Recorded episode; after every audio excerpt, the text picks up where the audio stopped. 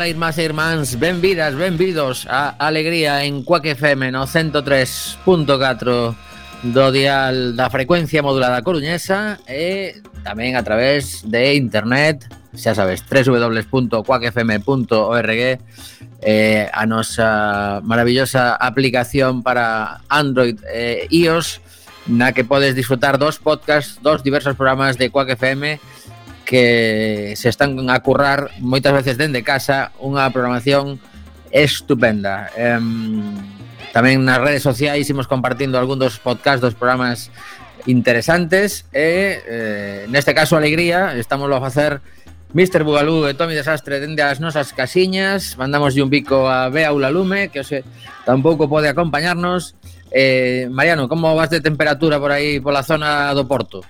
Pois sacaron dun radiador, ou sea, que estupendamente. Eh. Vale, eu tamén acabo de encender aí tres minutiños o meu porque facía un pouco de rasca eh, e decidí facer o programa quentiño para non non ter que estornudar ao longo do mesmo. Bueno, pois hoxe imos comezar cunha nova un pouco simpática, aínda que o resto do programa pois traio cousas máis bastante máis serias sim, simpática pero cabreante, eh, hai que dicilo.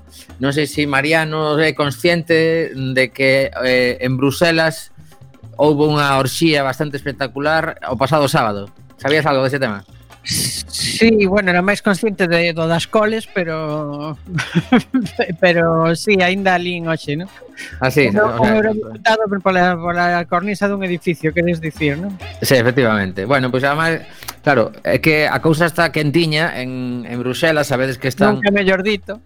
Aí, aí, aí. Eh, por eso busquei ese termo, porque precisamente o eurodiputado é do partido de Orban, que sabedes que son un, bueno, un dos partidos que xa falamos a pasada semana, un, un dos países, neste caso, que están a provocar un retraso eh, na aprobación deses fondos europeos, neste caso, pois o partido húngaro eh, o que o que tiña este eurodiputado que debía estar mm, pois aburrido e decidiu apuntarse a unha orxía en concreto nun primeiro piso de en riba dun bar, non sabemos se se entraba polo bar ou non, pero bueno, aquí o que nos contan os, os medios eh, de Bélxica, que deben de estar super entretidos con esta nova, é o seguinte... Eh, oh, dá para unhas risas, eh? Sí, o, o eurodiputado do partido de Víctor Orbán, Orbán o primeiro ministro ultranacionalista húngaro que está bloqueando o Fondo de Recuperación Europeo de 750.000 millóns de euros, que debe ser como en plan, bueno, pois xa que teño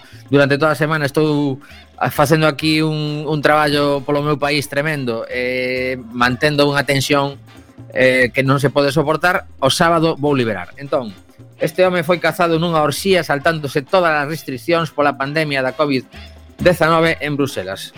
A noite do Benres ao sábado, o eurodiputado Joseph Saher, algo así, dimitiu xa o propio domingo, alguén de, debeu de pegar un telefonazo, pero atención que non foi por dignidade nin por nada. Alegou fatiga.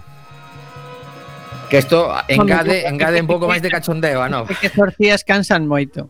Claro, no, no, é que ainda enriba, cando estás en plena orxía, aparece a policía e tes que sair, porque claro, o, o tema é, a, a parte simpática deste home é que eh, esca intentaba escapar por, polo tellado e, e como viu que non era capaz, pois rebobinouse para dentro, entón tivo que dar a cara ante a policía eh, mm, di aquí. Despois de que a policía me preguntara pola miña identidade, xa que non tiña identificación, falta falta poñer por que non tiña identificación en Rivas, pois pues, supoñemos que o mellor faltaballe roupa, declarei que era diputado do Parlamento Europeo. A policía continuou o proceso e finalmente emitiu unha advertencia verbal oficial e me levou ata casa. Joder, un detallazo, eh? Sigue declarando este home. Non tomei drogas, asegura o xa ex eurodiputado húngaro Ofrecíme a policía para facer unha proba, pero xa non me fixeron. Segundo a policía, encontraron píloras de éxtase, pero non eran miñas. Non teño coñecemento de quen e como as levaron. Claro, entre 25 persoas que había ali. Lamento profundamente ter violado as restriccións da COVID, home. Bueno, 25 persoas, 25 homes para ser exactos. O sea, o resto eran as mulleres que non as contan aquí na, na, eh, no cómputo. Non sei se non as contan ou é que non as sabía. Aí, eh, claro, claro, nos falta ese dato. É claro, certo. e sendo, e sendo do partido de Víctor Orban unha orxía, pois pues bueno, pois pues igual, vale, pero se é unha orxía de homes só, ui, ui, ui, ui, ui, Pois sí. Que esa eh... xente, digamos, eso de que o rollo gay non o leva ben. Entón, ui, ui, ui, ui, ui, e vas volver a Hungría, rapaz. Ui, pois, pois pues, pues, home, o mellor queda por ali unha tempada. Eh, aquí, de acordo con NHL, a festa Na festa tamén estiveron presentes varios diplomáticos este eurodiputado quen supostamente tentou fuxir pola canaleta do, te, do tellado, pero a policía pudo atopar a este home mentras fuxía e mandaron, como dicía antes, mandaron outra vez para dentro.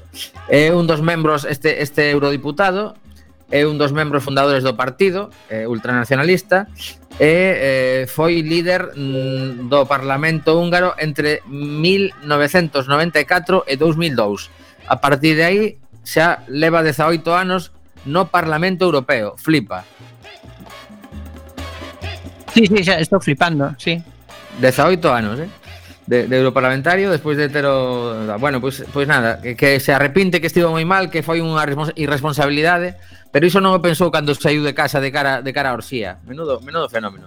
Bueno, pois nada, temos aquí a, a fotografía do tipo, por certo, eh, pois un home de uns 60 e poucos, si digamos corpulento, Eh, bueno, pois nada, que ata aquí esta, esta nova de arranque de programa porque mm, despois xa vos comento que imos falar pois eso, de, de coronavirus, de prevención, de vacinas, etcétera, etcétera. E polo menos pois eh, empezar un poquiño máis desenfadados entre comillas porque isto cabrea moito. Si, si cada vez que pasa algo así un pouco mm, denunciable aparecen polo medio diplomáticos e eurodiputados, pois non nos queremos imaginar se rascamos isto todas as semanas eh, en Bruselas. que, a ver, pero, a ver, a ver, muchos que digan, a mí non me metas no, no lío, Claro, eh. tamp- Tampouco, a ver, por un perro que maté, non me llames mataperros, no? Claro, vale, vale, que- vale. Sí, pero, pero bueno. Había eh, un eurodiputado e ademais un eurodiputado destes pouco recomendables, quero sí. dicir.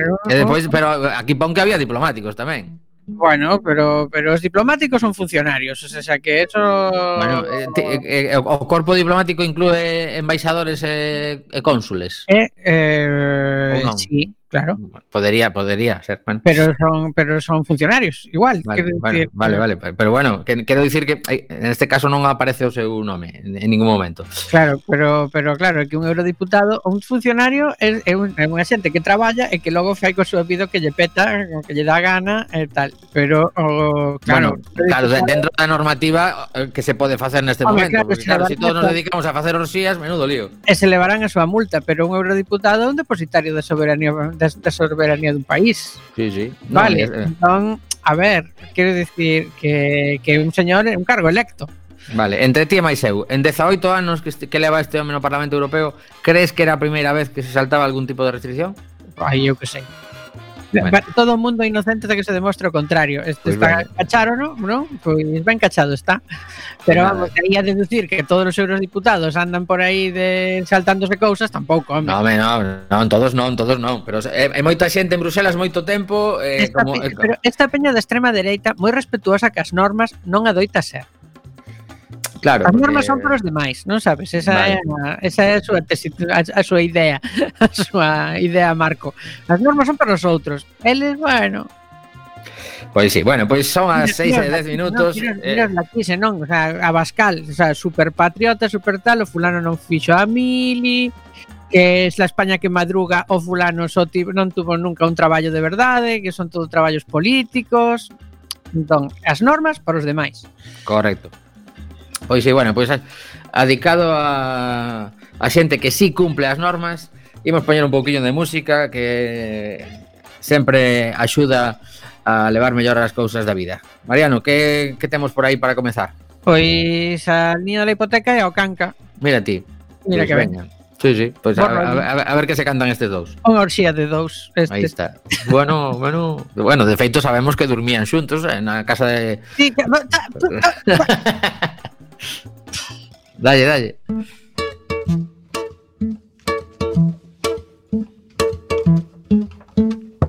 Si alguna vez te besé más de la cuenta, cuando yo cuento 50 tú le pones 20 más. Si me casé con tus besos oxidados por el humo del cigarro fue porque yo soy igual. Si me volví un adicto en serte compañía, quizá con demasía al parecer eres mi cruz. Aún me acuerdo todavía que decías que sin mí tú no eres tú. Si no sé estar sin tu beso de soplillo, sin la falta de tornillos que tú me has hecho perder. Si no sé estar sin tu foto en el bolsillo, sin las yemas de mis dedos esculpidas en tu piel. Si no sabía hacerla o con un canuto, cuando al fin te conocí acariciándome la voz. En aquel viejo instituto en los lavabos, tan pequeño y tan precoz. Quiero ser fiel al manual de los excesos. Besarte los besos, pisarte los pasos, llenarme los vasos de ti. Cuando me mates, cuéntales que no fui bueno, que estaba muy negro por dentro y mi aliento alentaba alquitrán y carmín. Si me he escapado ya diez veces este año de tus golpes y arañazos, tu tortura de carbón. Si regresé tantas veces de mi huida porque el daño era más grande con la ausencia de dolor. Me volví un adicto en serte compañía cada vez que regresé para jugarme la salud. Aún me acuerdo todavía que decías que sin mí tú no eres tú. Aún me acuerdo todavía que decías que sin mí tú no eres tú.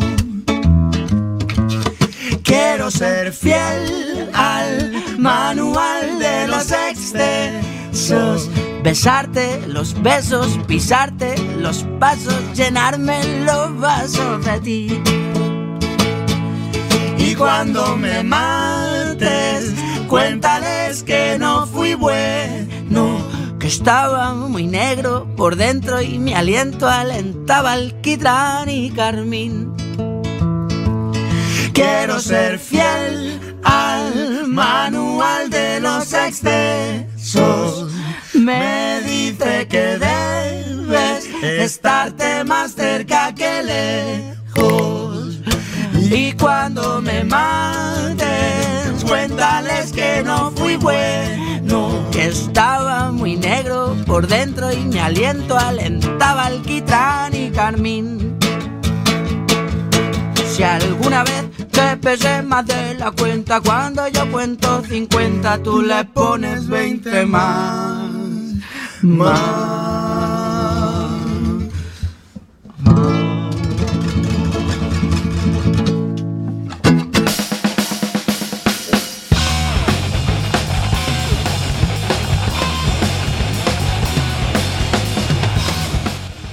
6 e 15 minutos, eh, alegría en Quack FM e imos agora con un bloque adicado a novas diversas eh, con relación ao coronavirus, esta pandemia que nos leva...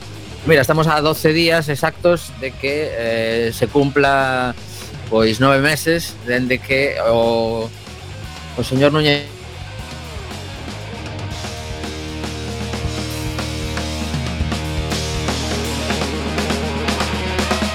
Uy, Tomás, que quedaches aí congelado. A ver se recuperamos a Tomás nuns momentos porque se perdeu a conexión. Vou subir un segundiño ao fondo e imos intentar reiniciala.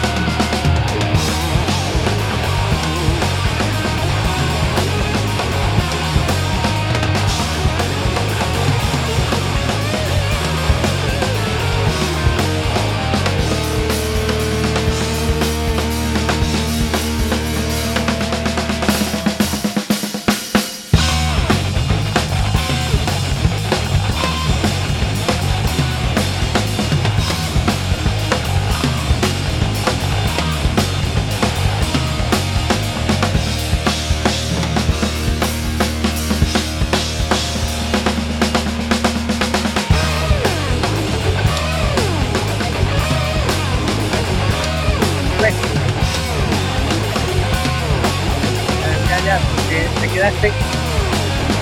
Claro, porque te quedaste clavado. Por- por pensar.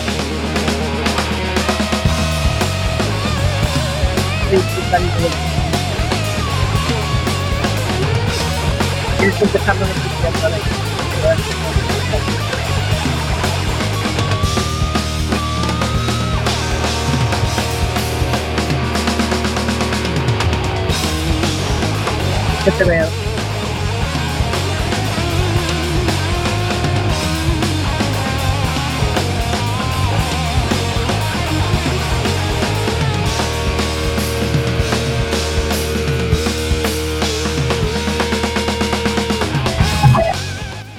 Eh, xa está aquí Hola, hola, que tal?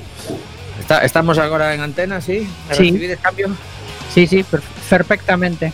Bueno, pois nada, eu eh, realmente non era consciente de que estaba falando para mí mesmo, aquí facendo un monólogo. Eh, coméntame, Mariano, que nos perdimos dende o inicio da, da nova. From the very beginning.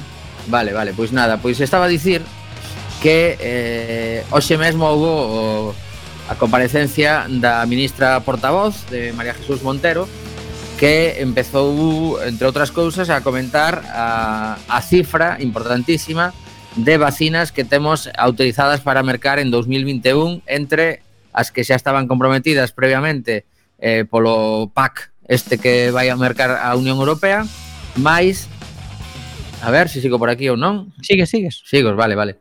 Es, me, es que me entra a música, me baixa, me, me desaparece, me volve a aparecer. Bueno, pois pues eso, dicía que 73 millóns de, de doses que como sabedes hai que poñer de dúas en dúas Polo tanto, vou a, a facer un pouco de resumo do que estaba a comentar, eh, que son un total de 36,8 millóns de persoas residentes en España que poderán recibir a vacina en 2021 ao longo do tempo, eh, que isto non vai ser todo automático, xa como podes imaginar, mm, entraremos en listas de espera porque pode ter un, un importantísimo colapso o sistema sanitario nun momento eh, no que xa eh, pois hai persoas hospitalizadas por moitos motivos, entre eles a COVID, eh, e ao mesmo tempo pois temos que buscar a fórmula de, de poñer todo este número de vacinas. Pero, aínda así, quedarían aproximadamente 10,2 millóns de persoas que, en principio, con esta cantidade, quedarían sin vacina en, en 2021. Entón, haberá que facer pois algún tipo de de criterio o máis obxectivo posible para, para decidir quen se queda sin esas vacinas, en que lugares o mellor pois eh, poden estar sin ela porque porque non hai ningún tipo de mm, estatística de contagio por ali, non, non o sei. A verdade é que, que bueno, mm, pois eh, supoño que en principio si está todo ok, En xaneiro empezarán con esta vacinación, evidentemente, o primeiro será o persoal sanitario, entendo eu, e despois pois eh, as, as persoas con, con maiores eh, riscos pola súa eh, trayectoria médica e, e a continuación pois iremos ao resto. Non sei se si si todo isto, o que, o que me chama a atención, non sei se Mariano o mellor tamén estivo investigando un pouquiño disto, é que en principio se está a falar xa de cinco empresas diferentes que serían as que suministren as vacinas eh, e son, pois, entendo que, que bastante diferentes unhas doutras. Entón non sei se haberá pois, as, as mm, clase A, as premium e as eh, máis normaliñas ou ao final pois nos garanten que todas teñen unha eficacia alta e sen contraindicacións, que esa é outra das, das dúbidas que xurden cando, cando hai tan pouco tempo de, de, de proceso de, de descubrimento das vacinas? Bueno, a ver, realmente eh, realmente hai dous tipos principales de, de vacinas tecnolóxicamente, non? A de Pfizer e a de Moderna uh, son dun xeito eh, a de Oxford e non sei que outra son son de outro xeito a través de eh, unha de bas, pero basicamente todas fan o, o mesmo, non? O, sea, uh -huh. o que intentan é eh, introducir ARN nas células para que eh, sexan as propias células as que eh, fabriquen os anticorpos contra contra a COVID. Eh, son vacinas que estaban eh, bueno, é que estive, estive falando outro día cun biólogo disto. Entón, ah, mira, mira ti. Eh, son vacinas que xa se levaba un tempo oh, eh, bueno, xa se sabían que se podían facer, non? Hai un tempo, ah, digamos, o sistema máis tradicional é este de usar un, un virus como, porta, como portador para inocular a vacina ah, nas, nas células, non? Ese é o máis é o máis o sistema máis máis coñecido e logo o que usan Moderna Pfizer é, é eso máis moderno, a diferencia é que eh, as que usan o, o virus para, transpor, para transportar, eh, por un lado, se poden conservar a temperatura ambiente, cosa que as outras non, porque o ARN seica é moi sensible, se deteriora a temperatura ambiente. E, eh, por outro lado, claro, ao ir a un ao, ir digamos, subidas nun virus, non? Eh, pode ser que o sistema inmunolóxico das persoas detecten ese virus e o combatan e destruan o virus e a vacinan con el, non? Eh, pero bueno, se supón que cando se fixeron as probas é para iso. Sobre efectos sobre efectos secundarios.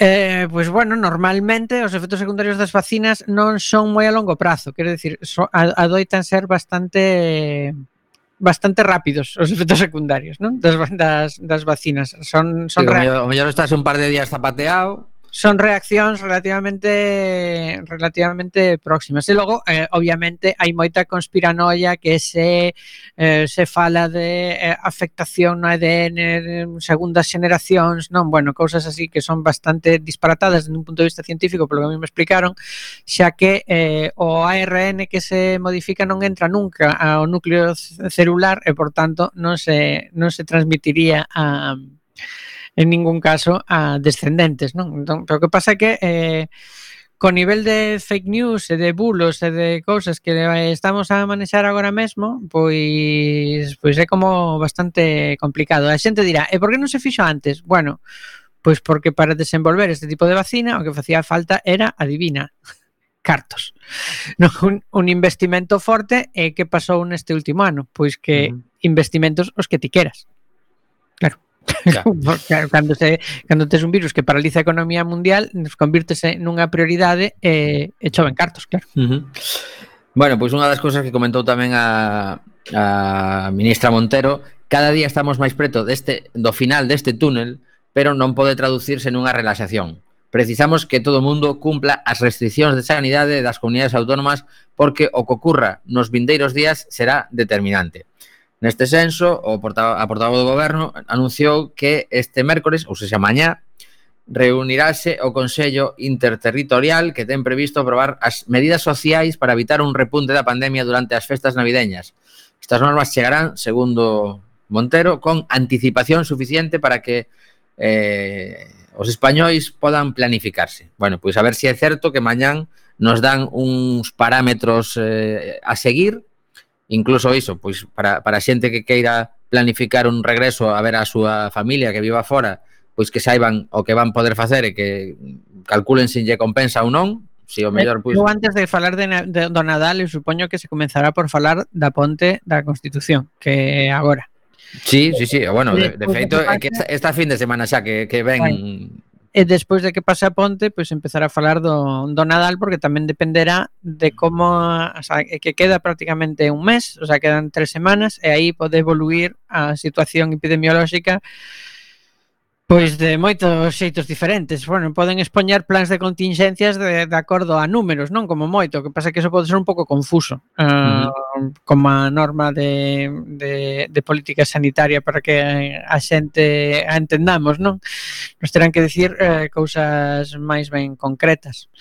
E bueno, logo tamén as comunidades autónomas hai son bastante asimétricas nisto e, e, e teñen competencias, teñen autoridade delegada por parte do Estado para adoptar as medidas que consideren oportunas. Uh -huh. Se estaba a rumorear que a Xunta de Galicia tiña pensado facer un, un, un peche perimetral de toda a comunidade autónoma para esta ponte, para evitar eh, desplazamentos eh, entre comunidades autónomas. Uh -huh. Pois pues mira, preparando o programa, unha das cousas que, que me chamaron a atención, así, unha nova que non, non, me, non vou entrar nela porque non ten moita máis xixa, pero comentaban que no Concello de Ogrove estánse a recibir moitísimas chamadas para consultar se si poden vir a pasar a Ponte na súa segunda residencia.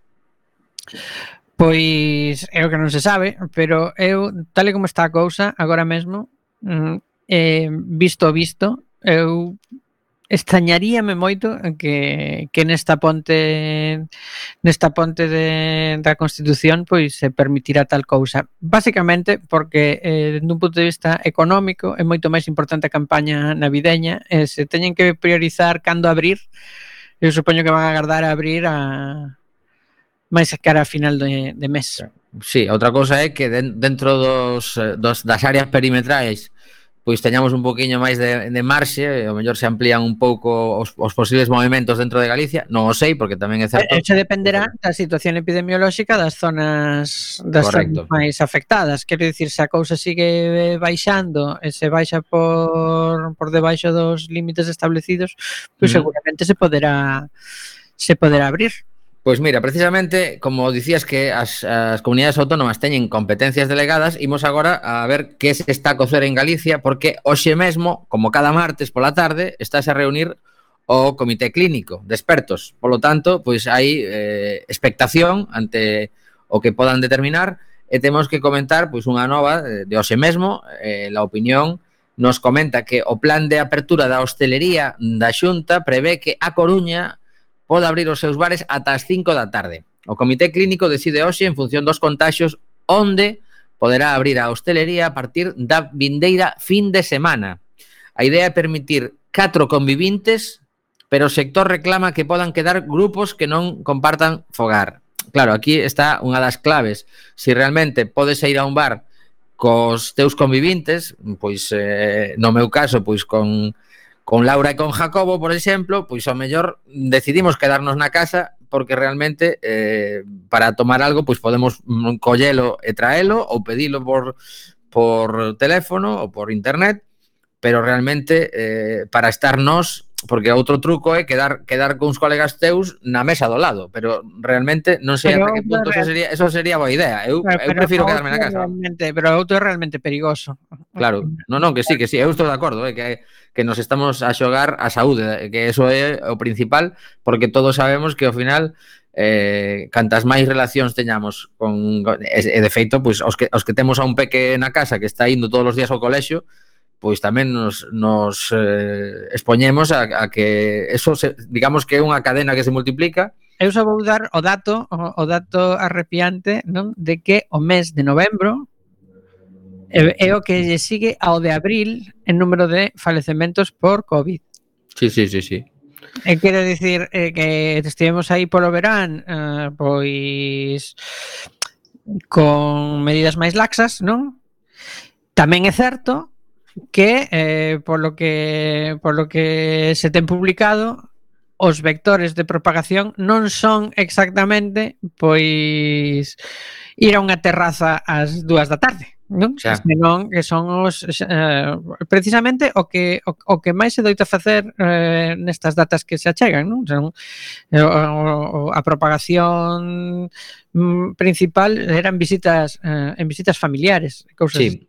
sí, porque normalmente son eh, visitas prolongadas en habitacións mm, que seguramente con un pouco que faga frío xa non abres as fiestras, estás pechado durante un tempo prolongado, eh, claro, eh, eh, seguramente e, mm, e todos ao mellor pois somos conscientes diso sen ningún tipo de mascarilla nin nada porque hai esa, esa confianza de persoas que, que tes eh, pois dentro do teu entorno máis próximo e consideras que non van ser un risco, pero claro, eu, se queres, eso, o, queres, o, virus non, o virus non entende de familias. Eu se queres que fagamos a quiniela, eu a, a quiniela diría que é eh, para saber se van permitir eh, unha, dúas ou tres eh, unidades familiares diferentes. Uh -huh. ¿No? Estamos a falar xa de Nadal. En Nadal. Sí. Eu apostaría a día de hoxe por dúas. Ajá. Vale. Ata... Por, por, por exemplo, eh, pois eh, os, os fillos e os, e os pais, pero si, si non son moitos fillos, porque si non xa liamos. Claro, un, o sea, un fillo e os pais. Claro, pero imagínate unha familia que teña mm, catro fillos. Pois pues mira, terían, que, terían que quedar en días diferentes, en todo terían caso. que quedar en días diferentes e os outros poderían organizarse de dúas en dúas familias. Sí, sí, sí. Que, que, bueno, non sei se vi, supoño que sí que viches por aí o tema das eliminatorias, de ir quedando sí, sí, nas previas eh, e ao final Pero, a ver, claro, é que mm, a... é un xeito de minimizar de minimizar riscos, non? Sí, sí, a ver, está claro que o que estamos a comentar eh, é, é eh, además, está, clarísimo. Familias, eh... Estamos a falar de familias completas, eso implica que hai nenos, xente maior, non? Eh, que, que os nenos poden ser asintomáticos, aínda que tampouco se está um, tampouco se está producindo un, un, un especial contagio nos centros educativos. Eh, tamén o, o ese, ese biólogo falaba dicía, claro, que vai a saber eh, todos eses catarros que que corren as, a que colla rapazada, non? Algúns deles son causados por coronavirus, por outros coronavirus, non? Non este, uh -huh. pero sí outros. Quen sabe se iso non produce nos, nos rapaces algún tipo de inmunidade parcial, como da gripe, non? É que hai que ter en conta que esta enfermidade é moi reciente, ¿no? O sea, leva só un ano circulando, entón tampouco sabemos exactamente eh, como funciona todo eh, e como, e eh, como interactúa con, con, con todas as demais casuísticas, non? Que son moi variadas. Entón, pois, bueno, eh, é, é como pilotar a cegas un pouco, non? Uh -huh. Sí, de feito, hai que, hai que pensar unha vez máis que eh, é moi probable que durante o Nadal pois, regrese a casa, aínda que sexa poucos días, pois moita xente que está vivindo fora, Se pode. Agora, agora claro, se, si, se, si se o permiten ah, as, as, as, as no, pero claro, ademais eh, logo está o tema de, de, de presentar o mellor no aeroporto correspondente ou incluso na estación de, de tren pois que tes unha, unha PCR negativa recente ou algo así, eh, o mellor con iso pois tes, eh, tes a posibilidad de, de, de, de voltar a túa casa pero o que, que o que, claro, o que claro despois eh, os, os que se leven o virus cara fora outra vez cando marchen a traballar de novo pois pode ser un, un momento de, de repunte, claro. Eu penso que tamén un factor importante eh, o tema da vacina. Claro, porque se a vacina xa está aprobada en decembro e se comeza a vacinar a principios de xaneiro, pois igual se pode ver un pouco máis a man que se, eh, se fose aprobar a finais de xaneiro. Xa. Pero bueno, que, que ao mesmo tempo lembremos que isto vai ser paulatino e polo tanto haberá un, un grupo de, vamos a chamar de privilexiados que a teñan de primeiros pero logo o resto vai ir pouco a pouco e o mellor, pois, eh, imagínate que a ti e a min nos toca en, en xuño. Bueno, en, en sorprendeume un pouco que en Alemanha eh, van mm, centralizar en moi poucos sitios a, a vacinación, eh, me bueno, parece, parecerunme poucos para, para, para o tamaño da República Federal Alemana. Non, non me lembro agora exactamente do número, pero era de dúas cifras. E claro, aquí se pensa vacinar a poboación a través dos, dos centros de atención primaria. Falamos de cinco cifras, non? que como un, un plan moito máis moito máis um, ambicioso, diríamos. Uh -huh. Que pasa? Ah, uh, tamén todo vai depender de, de eso, das características da vacina, de transporte da vacina, non? Eh, de conservación da vacina e todo isto, non? Uh -huh. Pero, bueno, eu escoitaba falar outro día un responsable sanitario que, que claro, dicía, bueno, o presidente do do Colexio de Médicos ou de Enfermeiría, non lembro moi ben, eh, que dicía que, por sorte, eh, eh xa remataba a, vac a, vac a vacinación da gripe, co cal, eh, non se ian solapar no tempo e se poderían empregar os recursos uns recursos análogos ao que se emprega para a vacinación da gripe a vacinación do, do coronavirus. E o que evidentemente vai ser importantísimo é que a xente efectivamente decida vacinarse. Claro, claro. Entendo que sí. Bueno, porque pois creen que non, porque hai moito hai moito hai moita conspiranoia por aí flotando no, no ambiente, pois como decidan que non e teñamos un índice de vacinación baixo, pois obviamente o impacto da vacina será reducido e sobre todo para que as persoas que porque teñan algunha enfermidade do sistema inmune ou polo que por, por alguna causa non podan vacinarse, pois non o vai protexer a inmunidade de rebaño. Que, mm. que pasa cando cando un non se vacina, e se por iso se deron casos de difteria, por iso rebrota o sarampelo e por iso pasan esas cousas. Pois imos continuar un poquiño con outro dos temas do día, eh, sabedes que se presentaba eh, públicamente aos medios de comunicación ese novo hospital eh, en Madrid, eh, eh, aquí temos a información de Infolibre en concreto, a apertura fantasma do Hospital de Pandemias, sen médicos, sen, sen pacientes e sen que se saiba o total da factura do, de construción e, e outros costes asociados. A estas alturas, eh, ningún dos hospitais de Madrid consta que haxa previsión de que os profesionais teñan que acudir mañá ao novo centro. Polo momento, sábese que o custe de construción é de 100 millóns de euros, hai oito contratos relativos a equipamentos tecnolóxicos e seguridade por outros 3 millóns de euros, pero aínda non se sabe nada de servizos como xestión de residuos, xestión da limpeza, a restauración, porque evidentemente a xente que está hospitalizada ten que comer, que estas tres últimas, residuos, limpeza e restauración, estarán en mans privadas, vale? Esto é sobre o hospital que, que bueno, le van, le van fardando os do Partido Popular sobre a importancia deste novo... Podíamos hacer unha promo, ¿no? De, de los productores del aeropuerto de Castellón, nuevo éxito. Sí, ¿no? sí, a verdade que sí. Bueno, a, a última vez que lembran que se lembran inauguracións dos hospitais a bombo e platillo eh, foi 2007, por aquel entonces Esperanza Aguirre eh, convertiu o levantamento de centros semi-privatizados nun dos eixes da súa xestión sanitaria. Por iso, a líder do Executivo madrileño tirouse de cabeza a inaugurar edificios sin que ni siquiera estivesen terminados. Algo parecido ao que fixo hoxe, pois xa sabemos que son moi, moi, moi colegas. O hospital chamase Hospital Enfermera Isabel Zendal e eh, o a xente do sector, que de feito estaban eh, a, a centos protestando nas, eh, nas inmediacións do hospital, falan de apertura fantasma. Xa o comentamos antes.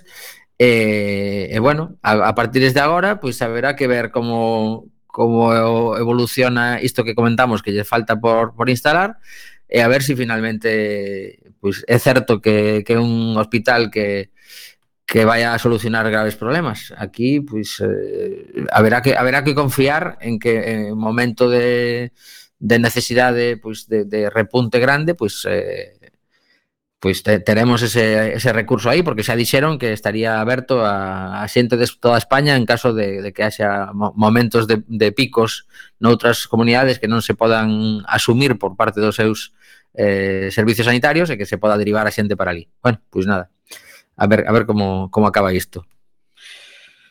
Bueno, non sei, eh, me parece tanto, David, me, me, me, me parece, me, me tá tan mal rollo así toda a música, non?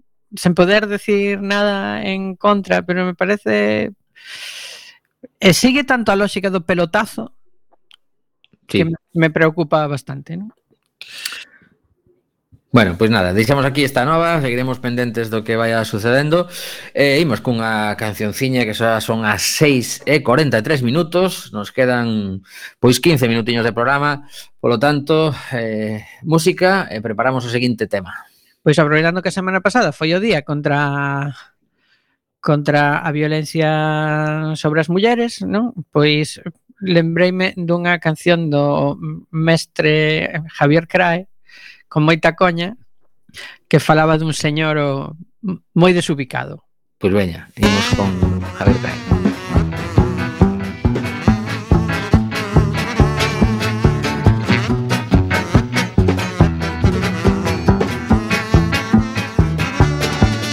Cuando pienso que son ya las once y pico, yo que sé, lo más tarde a las diez. ¿Cómo diablos se fríe un huevo frito? ¡Huevo frito! ¿Dónde se habrá metido esta mujer? La vecina me dice que no sabe y mi suegra tampoco desde ayer. No son horas de que ande por las calles. ¿Dónde se habrá metido esta mujer? Yo le iba a contar lo de García y de cómo le he parado los pies, lo del mundo que tengo en la rodilla. ¿Dónde se habrá metido esta mujer? ¿Qué hace aquí este montón de ropa sucia? Le compré lavadora y ¿para qué? Estas cosas me irritan, no me gustan. ¿Dónde se habrá metido esta mujer? Mi camisa aún está toda arrugada y mañana me la tengo que poner. Pues la plancha, aunque le den las tantas, ¿dónde se habrá metido esta mujer? Va a haber bronca esta noche, va a haber bronca. Me cabrea, hoy tenía ganas de Pues después de la bronca, pero ¿dónde? ¿Dónde se habrá metido esta mujer? Pero bueno, si falta una maleta, Una maleta, la de piel, para colmo la de piel. ¿Para qué la querrá la imbécil esta? ¿Dónde se habrá metido esta mujer? ¿Dónde se habrá metido esta mujer?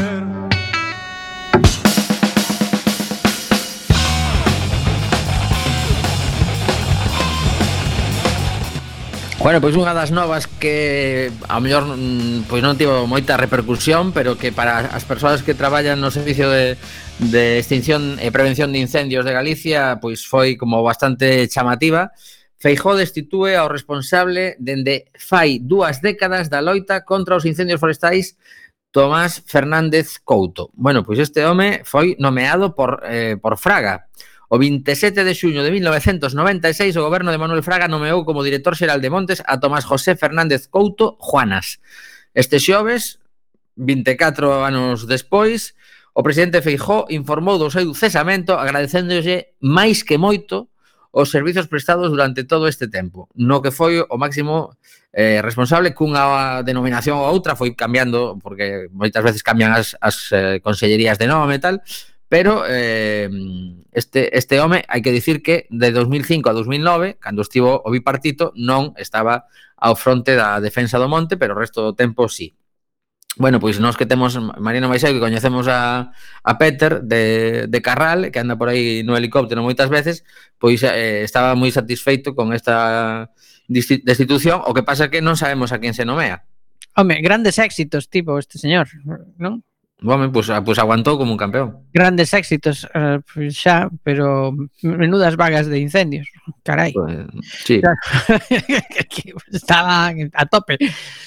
Eh, bueno, é unha desas cousas que, que acontece en Galicia, uh -huh. non? A nosa política forestal eh, que está orientada cara onde está orientada e temos un montón de eucalipto e de, temos un montón de prácticas e de tecores e de cousas curiosas. Bueno, o sea, vale, de acordo. Que, por certo, eh, eu traio tamén unha, unha nova así de, de, de memoria porque atopeime con... Eh, a, típica, a típica nova que atopas, escarbas un, un, un anaco e eh, eh, ficas un pouco sorprendido sorprendido por, por lo que atopas, ¿no? por lo que sai. Uh -huh. eh, resulta que eh, este, este, bueno, hai uns días por uns cazadores nunha batida de Xabarín resulta que no Pirineo resulta que mataron unha, uh, unha osa. Eh, resulta que non é a primeira vez que acontece, senón que sei que este ano levan tres tres o, osos pardos abatidos en eh, batidas de, de Xabarín pois ou por erro, por accidente, eh, polo que fose. Segundo argumentan os cazadores. Uh -huh. Que digo eu, home, non sei, pero un oso e un xabarín parecense, bueno, é igual, tampouco imos especular, imos dar por bo iso.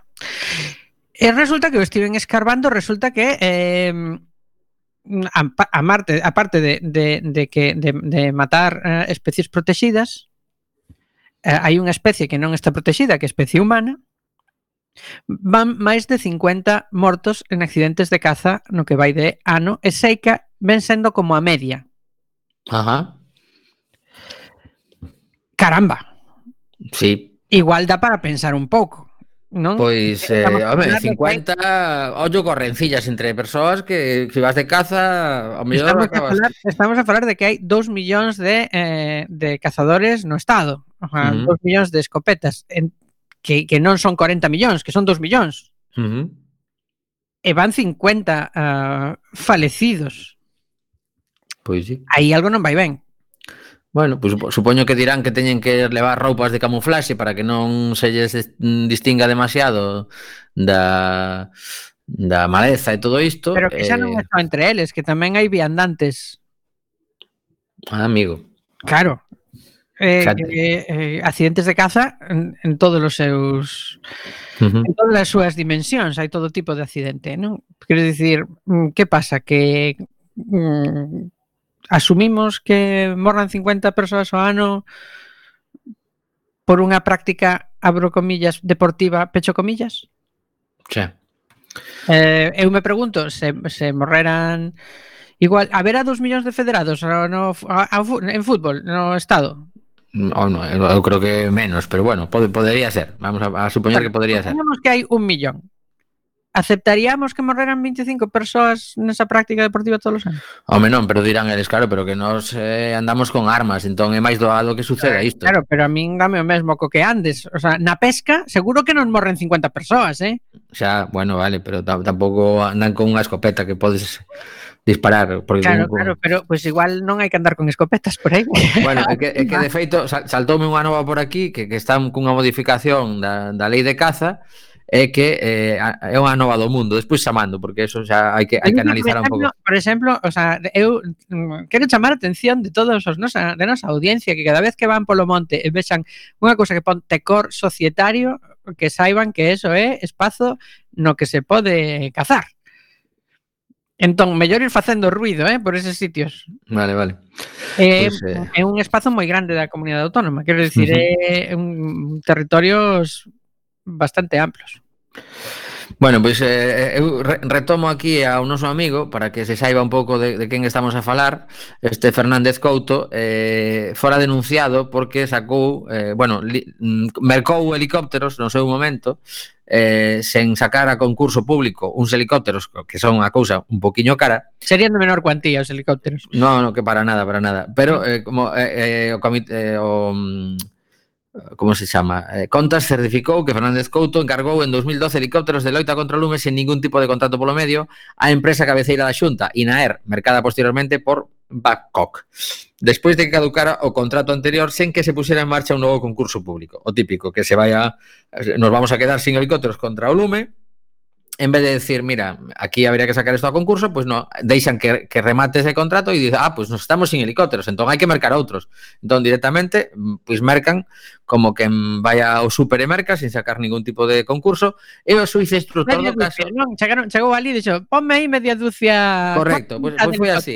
Pois, o suizo instructor do caso arquivou o mesmo por considerar que malia que efectivamente encargara os servizos en contrato, non había prevaricación porque non o fixera de forma caprichosa, senón por unha suposta situación excepcional de incendios forestais.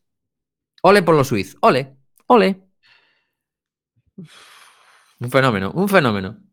Entón, con, con esa teoría, como te toques co suiz simpático, podes mercar calquera cousa sendo cargo público porque justifica a excepcionalidade. Es que me urgente necesidade, non? Exacto, claro, claro. Mira, que nos é que eh, por, por esta regla de tres mm, deixas caducar calquera servizo público eh, esencial e eh, contratas a dedo ao día seguinte a conche da gana. Home, pois pues é un antecedente curioso gracias a este suizo instructor en concreto. Bueno, pois pues nada, que eh, di, me, mm, dixo Feijó cando o destituiu que levaba 12 anos en vacacións que acreditan que estamos ante un cargo moi relevante. O que, o que seguramente se refire a que non collía vacacións durante o verán, que cando pois, eh, os incendios están máis aí, pero habería que saber que facía este home durante o resto do ano porque eh, a, a política da Xunta, aquí un resumo que fai así moi por riba, aínda que poderíamos ir a máis novas, fala de que gastamos 100, 100 millóns de euros en extinción de incendios e 50 en prevención. Xa. De que a prevención non é importante. Claro. O importante son os helicópteros. Eh, efectivamente, claro, pois pues, eh, si, si non si non hai incendios non tens que mercar helicópteros. Claro. Entón, pues, eh, quedan inaer sin sin levarse un, un cariño. Bueno, pois pues nada, a agardar a ver a, o, o, o novo responsable de Lumes como afronta, porque eh, claro, ás veces te alegras de que se vaya un, pero como chegue outro, se xa peor, pois pues imagínate, menuda. Bueno, nunca se sabe. Tres minutos, Tomás. Bueno, pois nada, eu teño por aquí algunha cousiña máis, pero creo que eh, facer a última referencia a algo que creo que sí que é eh, salientable. Oxe é o Día Mundial da Loitra contra o SIDA, E eh, se queredes buscar en elsaltodiario.com ven un artigo interesante A COVID invisibiliza o VIH un, un afectado por esta enfermidade li levo oito meses sin recibir atención médica. Este 1 de decembro, Día Mundial da Loita contra o SIDA, pacientes e entidades de apoio denuncian que durante a pandemia ten habido moitas persoas diagnosticadas sin recibir ningún tipo de tratamento. Non se deixaría un diabético sin insulina, Por lo tanto, non se pode deixar a unha persoa con VIH, VIH sin tratamento. Sigue habendo un problema de estigma social. Isto é en el salto diario. Eh, bueno, e ata aquí é o noso programa de hoxe. É que iso é directamente eh, de xulgado de Garda. O sea, xoller, xulgado de Garda, Pum. Xa, pero como, como te toque un suiz destos que di, no, en anda pandemia, pois pues, non se podía asumir máis traballo, entón había que priorizar e tal. Bueno, pero non é asumir máis traballo, é manter un, un traballo uh, eh, que xa existe. Bueno, entendo que o mellor eran tratamentos a iniciar por personas mm, diagnosticadas recentemente. Pero bueno, queda aquí esta, esta nova 1 de decembro, Día Mundial da Lota contra o SIDA. Despedimos o programa de hoxe porque chega xa recendo nuns minutiños. Eh, vin por aí que tiñan unha entrevista. Bueno, agora mesmo non nos dá tempo xa, pero quedade vos en Quack FM porque recendo sempre mola. Ata o martes que ven. Chao.